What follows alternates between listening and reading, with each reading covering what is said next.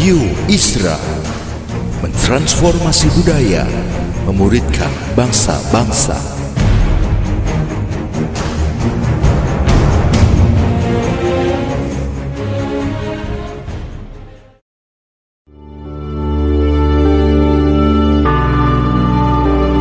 Apostolic Prophetic Messages mengungkapkan pesan dan arahan dari hati Tuhan bagi gerejanya demi menuntaskan mandat kerajaan Allah di Indonesia dan bangsa-bangsa.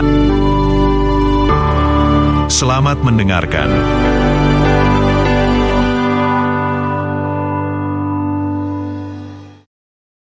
Nah, kalau saudara senang dengan dengan dengan judul atau kalau boleh disummarize sepanjang tahun ini ini yang akan menjadi message yang saya akan terus gaungkan ini pesan yang akan terus saya sampaikan itu dengan mudah diingat pakai kata LLM. Apa saudara? LLM. Nah, bukan MLM. Oke, okay? saudara, bukan MLM. Ya, walaupun MLM ini powerful banget sebenarnya, ya multi level marketing gitu ya.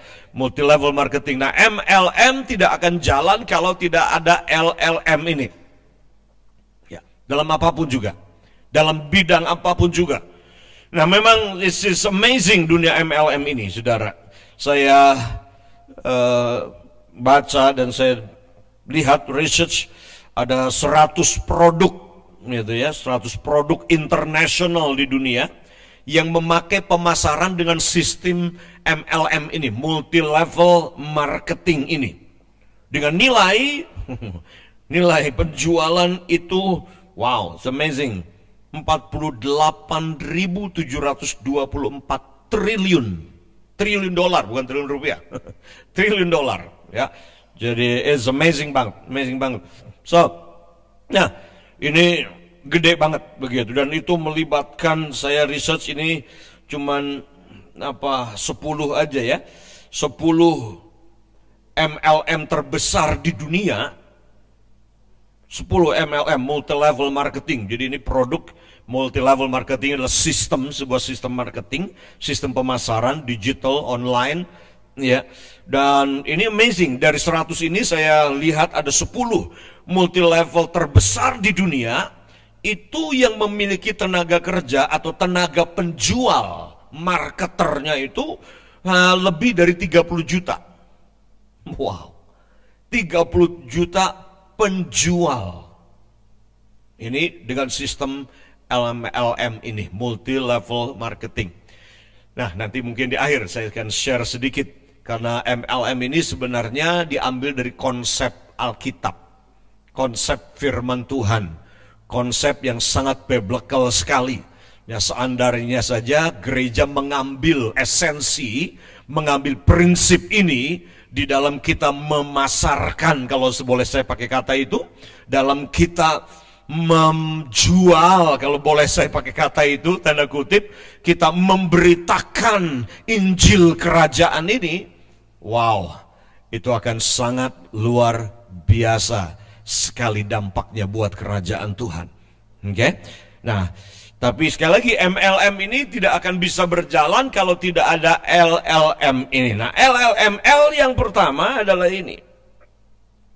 L yang pertama ini adalah loving God passionately and intimately. Ya.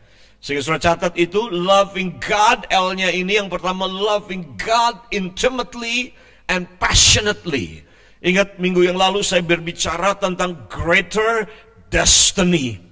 Nah inilah greater destiny, inilah destiny, inilah takdir ilahi ketika Tuhan ciptakan saudara.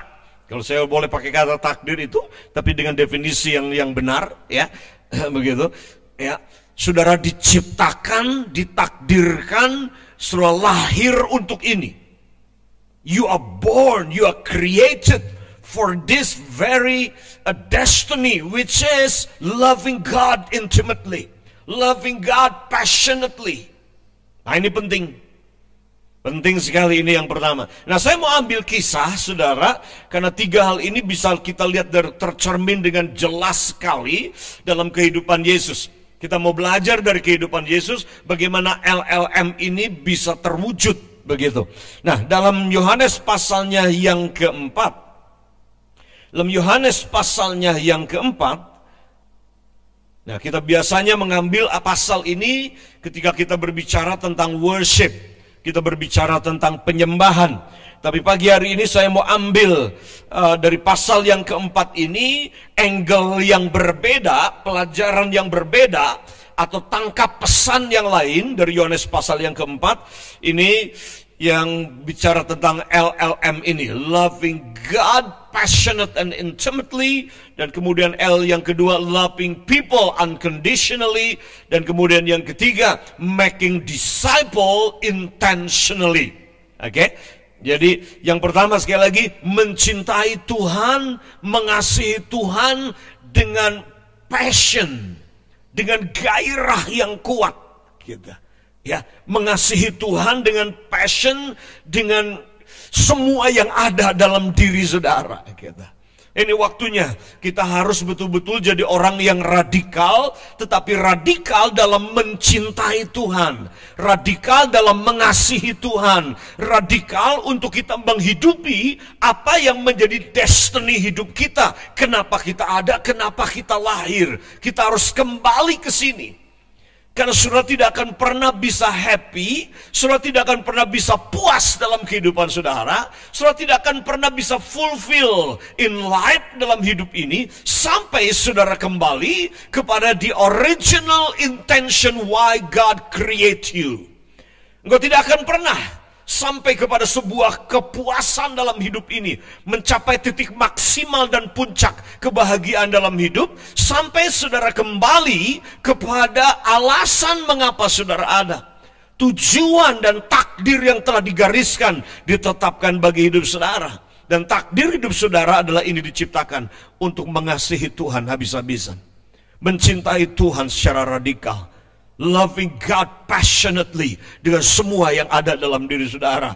Bahkan perintah yang terbesar Tuhan Yesus ajarkan buat kita itu adalah mengasihi Tuhan dengan segenap hati, segenap jiwa dan segenap kekuatan kita. Artinya tidak ada lagi yang tersisa dari hidup kita. Mengasihi Tuhan dengan segenap eksistensi kita dengan roh kita, dengan jiwa kita, artinya pikiran, emosi, dan keinginan kita, kemudian kekuatan berbicara tentang strength tubuh kita ini. Oke? Okay? Nah, Yohanes pasal yang keempat, ayat yang ketiga. Sampai dengan ayat yang kelima dikatakan demikian. Yohanes pasal yang keempat. Yesus ada dalam sebuah perjalanan. Dan kemudian ayat yang ketiga dia berkata, Ia pun, Yesus, meninggalkan Yudea dan kembali lagi ke Galilea. Kalimat berikutnya, ia harus garis bawahi kata itu. Ia harus. Ya. Ia harus apa? Ia harus melintasi daerah Samaria. Maka sampailah ia ke sebuah kota di Samaria yang bernama Sikar, dekat tanah yang diberikan Yakub dahulu kepada anaknya Yusuf. Saya ingin sekali lagi saya mau saudara garis bawahi dalam Alkitab saudara kata ia harus melintasi daerah Samaria. Di dalam perjalanan dari Yudea menuju ke Galilea, saudara, dan memang jalan terdekat, rute terdekat dari Yudea menuju ke Galilea itu lewat Samaria. Ya, itu memang rute terdekat. Tapi kenapa walaupun itu terdekat Yesus dia memakai kata harus melewati wilayah Samaria ini. Kenapa dia pakai istilah itu? Dia biasanya semua orang Yahudi tidak lewat Samaria walaupun itu lebih dekat. Hampir semua apalagi ini rabi semua rabi akan menghindar daerah Samaria. Semua rabi, guru-guru, bahkan orang Yahudi, dia akan ambil jalan Kapadokia, dia akan ambil jalur yang lain, yang mungkin agak jauh sedikit, cuman untuk tujuan ini, menghindari daerah Samaria. Tapi menarik, kenapa Yesus, dia berkata harus melewati dan melintasi daerah Samaria ini. Nah, di sini Saudara, loving God passionately yang kita lihat dalam kehidupannya Yesus. Kenapa Yesus harus melintasi daerah Samaria? Untuk dia melintasi daerah Samaria, itu berarti yang pertama Yesus sedang menyimpang jauh sebenarnya dari tujuan. Ya, menyimpang jauh dari tujuan. Karena tujuannya dia adalah Galilea, itu prioritasnya dia. Tapi kemudian dia harus menyimpang ke Samaria. Ya, untuk dia menyimpang ke Samaria itu artinya Yesus dia harus cancel beberapa agenda.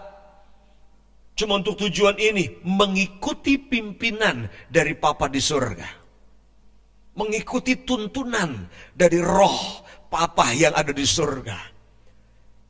Nah kita paham ini, bahwa dalam kehidupan Yesus, bahwa tidak ada satupun perjalanan hidupnya Yesus yang dilakukan atas kemauan dan keinginannya sendiri.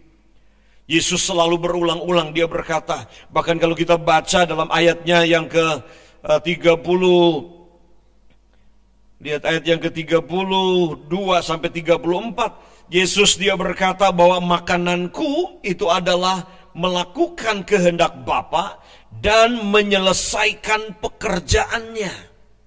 Makananku adalah melakukan kehendak Bapa. Jadi kalau Yesus pakai kata dia harus menyimpang ke Samaria, itu oleh karena itulah kehendak Bapa untuk dia. Yesus korbankan waktu dan tenaga untuk dia menyimpang. Yesus taat kepada papanya. Walaupun tidak masuk akal. Dia taat kepada papanya walaupun itu bertentangan dengan budaya Yahudi. Dia taat kepada papanya walaupun itu berarti ada resiko tidak disukai oleh orang Farisi dan ahli Taurat. Dia menyimpang ke Samaria walaupun itu bukan jalur yang favorit, walaupun itu jalur yang memang lebih cepat untuk menuju ke Galilea dari Judea. Yang jaraknya 200 kiloan kira-kira, Saudara. Tapi kata harus ini yang memberitahu kepada kita betapa Yesus pribadi sosok yang mencintai Bapa passionately. Buat dia mentahati Papa bukanlah sebuah opsi, Buat Yesus mengasihi Papa di surga bukanlah sebuah pilihan, bukanlah sebuah anjuran, bukanlah sesuatu yang opsional yang boleh dilakukan dan boleh tidak dilakukan kalau memang tidak nyaman, tidak uh, kamu tidak mau atau terlalu risiko terlalu tinggi bagimu untuk reputasimu. Yesus tidak demikian. Dia siap ambil resiko. Dia rela buang tenaga dia rela mengcancel agenda pribadinya dia. Dia rela itu berarti agak menyimpang dari tujuan yang harusnya jadi prioritas hidupnya dia. Dia menyimpang dari itu semua. Tapi dia berkata, aku harus. Semua yang lain itu yang kedua. Yang pertama adalah ini. Aku harus melintasi daerah Samaria ini. Kenapa? Karena itu yang papa di surga suruh aku lakukan. Inilah saudara bukti orang yang mengasihi Tuhan secara passionate. Inilah orang sosok yang mencintai Tuhan, mencintai Papa di surga dengan intimate betul-betul. Orang yang mengasihi Tuhan, dia tidak peduli orang ngomong apa. Kalau saudara terus ingin mencintai Tuhan, tetapi dalam waktu yang sama saudara ingin menyenangkan manusia, saudara tidak akan pernah bisa mencintai Tuhan secara total dan radikal. Kalau sudah terus berpikir apa opini orang, apa pendapat orang kalau saya lakukan ini, kalau saya lakukan itu. Itu sama seperti saudara beberapa tahun lalu ketika Tuhan suruh saya berangkat ke Jakarta. Saya terbang ke Jakarta, itu bulan Februari, saya ingat betul bulan Februari. Ya, berarti itu sudah tiga tahun yang lalu, kurang lebih ya. Bulan Desembernya Krakatau meletus yang menyebabkan tsunami di ujung kulon, pantai selatan, Pandeglang, Banten, ujung kulon itu. Yang membunuh lima orang lebih dan menghancurkan begitu banyak rumah di pesisir pantai. Mulai dari Labuan dan terus sampai ke daerah Sumur Ujung Kulon di Pandeglang. Dan Tuhan cuma bicara kepada saya pergi. Ya, pergi. Saya terbang kemudian ke ke Jakarta dan dari sana saya dipinjami mobil dan kemudian dari sanalah saya memulai perjalanan melintasi seperti kalau Yesus melintasi daerah Samaria, daerah yang tidak begitu favorit. Ya, wilayah yang semua orang berkata ini daerah yang tidak aman, daerah yang keras, terlalu riski, terlalu banyak resiko untuk memasuki daerah itu, untuk memasuki daerah itu. Dan saya tidak kenal siapa-siapa dan saya juga tidak telepon siapa-siapa, saya tidak mencari tahu siapa-siapa, saya hanya mengikuti apa yang memang menjadi kehendak dari Papa di surga, apa yang menjadi kerinduan dari Papa di surga, itu yang saya ikuti. Saya harus harus harus Nah kata harus ini saudara memberitahu sebuah komitmen. Yesus dia berkata dalam Yohanes pasal 14, If you love me, you will obey my commandment. Kalau engkau mengasihi aku, kamu akan mentaati segala perintah-perintahku. Ini yang pertama saudara. Yesus harus melewati daerah Samaria itu. Kenapa? Karena dia tahu di situlah Bapak sedang berada Oh, kerinduan saya hari-hari ini dan ini harus menjadi kerinduan saudara sebagai umat Tuhan hari-hari ini adalah doa saudara haruslah I want to be where you are, oh God. I just want to be where you are. Aku ingin ada di mana engkau berada hari ini. Kalau engkau lurus, aku mau lurus. Kalau engkau belok kanan, aku mau belok kanan. Kalau engkau belok kiri, aku mau belok kiri. Aku mau right there with you God. Aku ingin ada bersamamu. Dan saya berdoa ini yang menjadi kerinduan saudara dan saya hari-hari ini. Loving God passionately sampai satu titik bahwa mentaati Tuhan bukan lagi opsi buat saudara. Tapi harus. Harus. Sebagaimana Yesus. Yesus mentaati papanya di surga menjadi sebuah keharusan. Passionate dia tinggalkan, dia korbankan semua demi menyatakan kasihnya dia kepada Bapa. Dan kita melihat ada sosok yang lain dalam Alkitab, saudara. Itu dalam Yohanes pasal yang ke-12, ayat yang ketiga dan ayat yang keempat. Ini contoh yang lain tentang sosok pribadi yang mengasihi Tuhan passionately. Yang mencintai Tuhan begitu intimate. Dan dikatakan demikian ayatnya yang ketiga dan empat Yohanes pasal yang ke-12 dikatakan Maria maka Maria mengambil setengah kati minyak narwastu murni yang mahal harganya. Lalu meminyaki kaki Yesus dan menyekaknya dengan rambutnya. Dan bau minyak semerbak di seluruh rumah itu. Tetapi Yudas Iskariot seorang dari murid-murid Yesus yang akan segera menyerahkan dia berkata ini sebuah pemborosan. Kan uangnya bisa diberikan kepada orang miskin. Coba saudara lihat, bayangkan di sini Yudas mungkin sepertinya orang yang sangat bijaksana.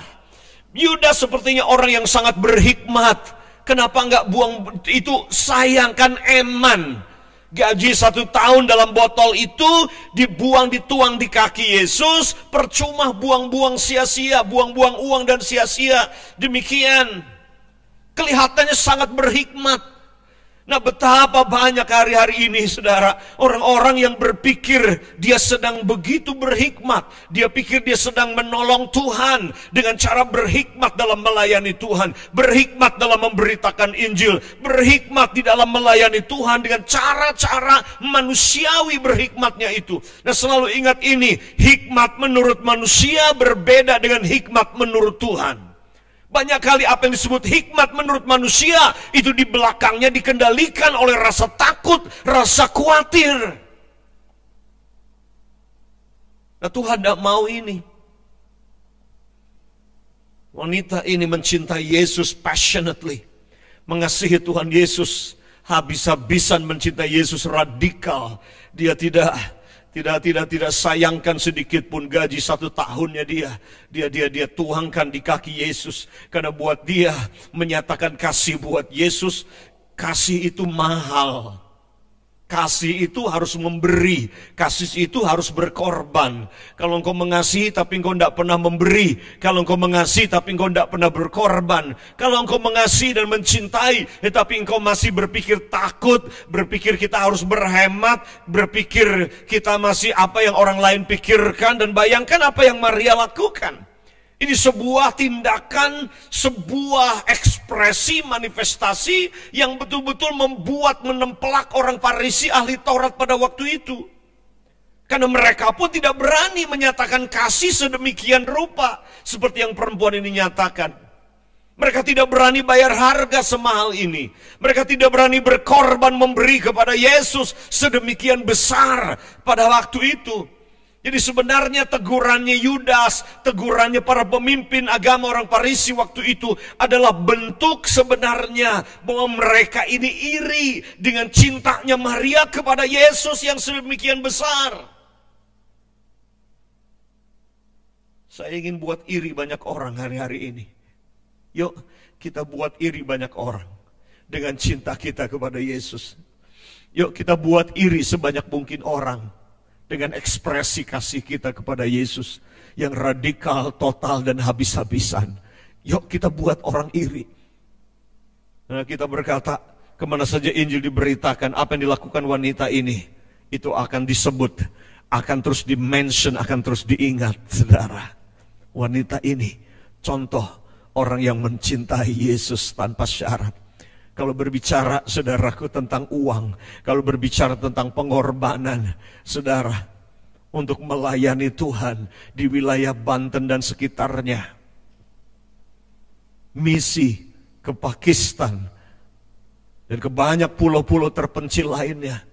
Itu menghabiskan uang cukup banyak. Tetapi buat Tuhan itu tidak masalah. Kalau saudara masih merasa berkorban, memberi, itu masih menjadi beban berat buat hidup saudara, maka saudara sebenarnya belum sampai memahami titik ini. Belum memahami hakikat kasihnya Yesus bagi saudara. Dan saudara juga belum memahami hakikat esensi kehidupan sebenarnya. Bahwa kita ini ditakdirkan untuk mencintai Tuhan. Bukan cuma dengan uang kita, bukan cuma dengan talenta kita, tapi dengan hidup kita. Semua yang ada dalam hidup kita. Loving God passionately and intimately. Ini yang pertama. Ya, kita belajar dari Tuhan Yesus. Dia harus menyimpang. Yuk belajar dari Maria. Dia breaking the rule. Dia menerobos tatanan budaya pada waktu itu. Sebagai seorang perempuan. Di kaki rabi dia menangis dan menuangkan minyak narwastu yang mahal itu. Yang kedua, saudara. Loving other unconditionally. Mencintai sesamamu unconditionally mencintai tetanggamu tanpa syarat, mencintai sesamamu manusia, apa pun agamanya, apa pun rasnya, apa pun warna kulitnya, apa pun bentuk fisiknya seperti apa. Ini yang kedua, we are called not just to love God passionately, but we are called to love others unconditionally. Kita dipanggil bukan cuma mengasihi Tuhan dengan segenap hati, tapi kita dipanggil juga untuk mencintai sesama kita dengan sepenuh jiwa, raga, dan kekuatan yang ada pada kita tanpa syarat, tanpa pamrih. Dan itulah yang Yesus lakukan di sini, saudara. Dikatakan demikian dalam pasalnya yang keempat ayat yang kesembilan. Pasal empat ayat yang kesembilan Yohanes dikatakan begini. Ketika Yesus dia mentaati Papa menyatakan cintanya dengan mampir di kota Samaria itu, kemudian ketemu dengan perempuan Samaria di situ. Karena ada jiwa yang harus dilayani di situ. Dikatakan demikian, Yesus dia haus, dia minta air kepada perempuan itu di sumur itu. Dan perempuan itu responnya begini, masakan engkau seorang Yahudi minta minum kepadaku seorang Samaria? Sebab orang Yahudi tidak bergaul dengan orang Samaria. Jadi ketika Yesus minta air dari perempuan ini, itu adalah sebuah history, itu sebuah sejarah. Cuma sekedar minta minum itu sudah wow banget buat wanita Samaria ini, apalagi seorang pria. Bukan cuma pria, pria ganteng, bukan cuma pria ganteng, dia rabi, bukan cuma rabi. Kemudian dia mengetahui bahwa pria ini bukan sembarang pria, dia rabi, dia nabi juga. Ini wow banget buat wanita ini. Gak pernah ada sebelumnya. Ada rabi, pria, nabi lagi mampir ke Samaria, kemudian minta minum dari dia. Gak pernah terjadi sebelumnya. Tapi itu yang Yesus lakukan. Dia mengasihi perempuan ini. Mencintai wanita Samaria ini tanpa syarat. Walaupun tidak ada orang lain, rabi-nabi yang lain pernah lakukan itu. Tapi Yesus lakukan itu. Inilah kalau kita bicara soal misi, kalau kita berbicara tentang mandat kita penginjilan, maka ini yang paling penting sekali, saudara. Kalau saudara ingin misi, saudara ingin menjangkau jiwa-jiwa hari-hari ini, ini yang perlu saudara lakukan. Saudara yang pertama adalah mengasihi Tuhan dengan radikal, yang kedua mengasihi sesama saudara tanpa syarat. Apa pun sukunya, apa pun agamanya, kasih itu tidak kenal agama sama seperti uang. Uang itu juga tidak punya agama. Kalau sudah menyangkut uang, saudaraku, semua agama, lihat di Indonesia, semua agama, apa pun agamanya, ada yang terlibat korupsi, ada yang bunuh-bunuhan gara-gara uang, ada yang mencuri gara-gara uang. Ya, agama tidak kenal uang itu nggak punya agama. Sama, kasih juga nggak punya agama. Apa pun agamamu, engkau membutuhkan satu hal ini, yaitu kasih. Mungkin kau tidak butuh banyak hal yang lain. Mungkin kau tidak butuh aturan-aturan yang terlalu banyak, kau tidak butuh ritual, kau tidak butuh syariat-syariat agama, mungkin kau tidak perlu agama. Dan saya percaya bahwa yang dibutuhkan Indonesia, buat Indonesia bisa maju yang pertama-tama adalah ini. Bahwa engkau Indonesia membutuhkan dan perlu mengetahui bahwa Tuhan mencintaimu Indonesia bahwa Allah Papa di surga mengasihimu dari Sabang sampai Merauke sama. Bahwa Yesus Kristus datang bukan untuk satu agama tertentu. Yesus datang untuk semua orang. Yesus mati mencintai tanpa syarat apa pun siapa pun warna kulit saudara. Beberapa minggu ini kita disibukkan, diviralkan, dihebohkan dengan kasus-kasus Sarah terhadap suku tertentu, sebagai terhadap tokoh tertentu, terhadap warna kulit tertentu. Kita dihebohkan dengan ini. Karena memang manusia. Politik bisa sangat rasis. Agama bisa sangat rasis. Agama bisa sangat diskriminasi terhadap kulit, gender, kaum minoritas. Tapi saya mau beritahu hari ini, wanita ini adalah minoritas. Nggak bergaul orang Yahudi, nggak mau sentuh, apalagi lewat mampir dan ngobrol. Tapi itu yang Yesus lakukan. Kalau saudara ingin berhasil dalam misi, saudara harus buang pemikiran eksklusif. Saudara harus buang pemikiran rasisme. Karena rasisme adalah dosa besar yang saat ini sedang ada bahkan dalam gereja Tuhan. Sehingga tegaskan itu. Tuhan kita dia bukan Tuhan yang rasis. Dia Tuhan yang mencintai secara inklusif semua orang sama. Yesus mampir, harus mampir di Samaria. Walaupun beda suku, beda agama, beda prinsip, bahkan tidak bergaul. Tapi hari itu Yesus harus melepaskan pengampunan dan penerimaan. Pengampunan dan penerimaan yang dibuktikan dengan Yesus dia mampir dan bicara dengan perempuan ini. Itulah yang membebaskan, memerdekakan wanita Samaria ini. Wanita ini bukan cuma sembuh, tetapi kemudian wanita ini jadi penginjil. Dia jadi orang yang menggoncang seluruh kota Samaria itu. Wow. Ini yang kedua. Yang ketiga L yang pertama, loving God passionately, intimately. Yang kedua, loving other, loving your neighbors unconditionally. Mengasihi Tuhan dengan gairah, dengan passion. Dan mengasihi sesamamu, orang berdosa, sesama jemaat Tuhan, apa pun merek di mana pun, seperti hari ini Hari ini kita berkumpul bukan atas nama FGF. Karena saudara yang sedang mendengarkan saya, apa pun merek saudara, apa pun agama saudara, warna kulit saudara di mana pun saudara berada, saya ingin katakan bahwa saya mengasihi saudara. Saudara bukan jemaat saya, saudara jemaat Tuhan pertama-tama, di mana pun saudara berada yang sedang mengikuti ini. Itu pertama-tama.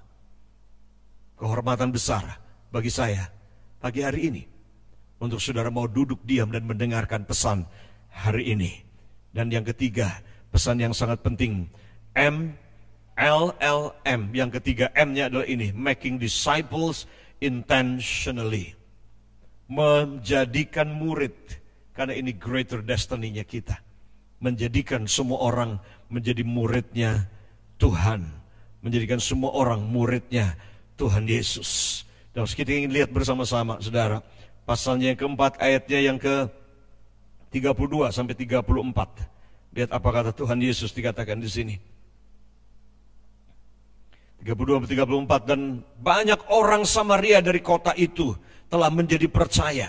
Perhatikan ini. Banyak orang dari kota Samaria itu telah menjadi percaya kepadanya karena perkataan perempuan itu. Perkataan siapa? Perempuan itu, bukan perkataannya Yesus perkataan perempuan yang baru saja dijumpai Yesus, yang baru saja dilayani Yesus, yang baru saja dicintai tanpa syarat oleh Yesus, dan wanita ini langsung dimuridkan saat itu. Dia langsung jadi pemberita yang luar biasa. Dan banyak orang Samaria dari kota itu telah menjadi percaya kepadanya karena perkataan perempuan itu yang bersaksi. Ia mengatakan kepadaku segala sesuatu yang telah kuperbuat. Dan ketika orang-orang Samaria itu sampai kepada Yesus, mereka meminta kepadanya supaya ia tinggal pada mereka. Dan ia pun tinggal di situ dua hari lamanya dan lebih banyak lagi orang yang menjadi percaya karena perkataannya. Dan mereka berkata kepada perempuan itu, kami percaya, tapi bukan lagi karena apa yang kau katakan. Sebab kami sendiri telah mendengar dia, dan kami tahu bahwa dialah benar-benar juru selamat. Benar-benar juru selamat. Inilah pemuritan wanita ini bertemu dengan juru selamatnya hari itu yang mencintai dia tanpa syarat. Nah bayangkan ini memang perempuan-perempuan yang sudah gonta ganti suami empat kali bahkan hidup dalam perjinahan. Nah mungkin saudara posisinya seperti itu. Ya. Tetapi ajaibnya adalah ini. Wanita yang rusak ini. Wanita yang moralnya sudah bejat ini. Wanita yang punya reputasi buruk di kota Samaria apalagi di kalangan Yahudi. Karena kawin cerai kawin cerai ini wanita ini secara luar biasa diubah Tuhan lewat perjumpaan pribadi dengan Yesus. Lewat perjumpaan pribadi dengan Yesus dia diubah secara luar biasa dan kemudian bukan hanya menjadi murid yang pasif bukan cuma jadi orang percaya tetapi dia jadi pemberita yang memenangkan seluruh kota pada waktu itu Misi penginjilan harus dilakukan karena ini adalah kehendak Papa. Kenapa harus? Karena ada jiwa yang harus dimenangkan. Misi adalah sebuah keharusan.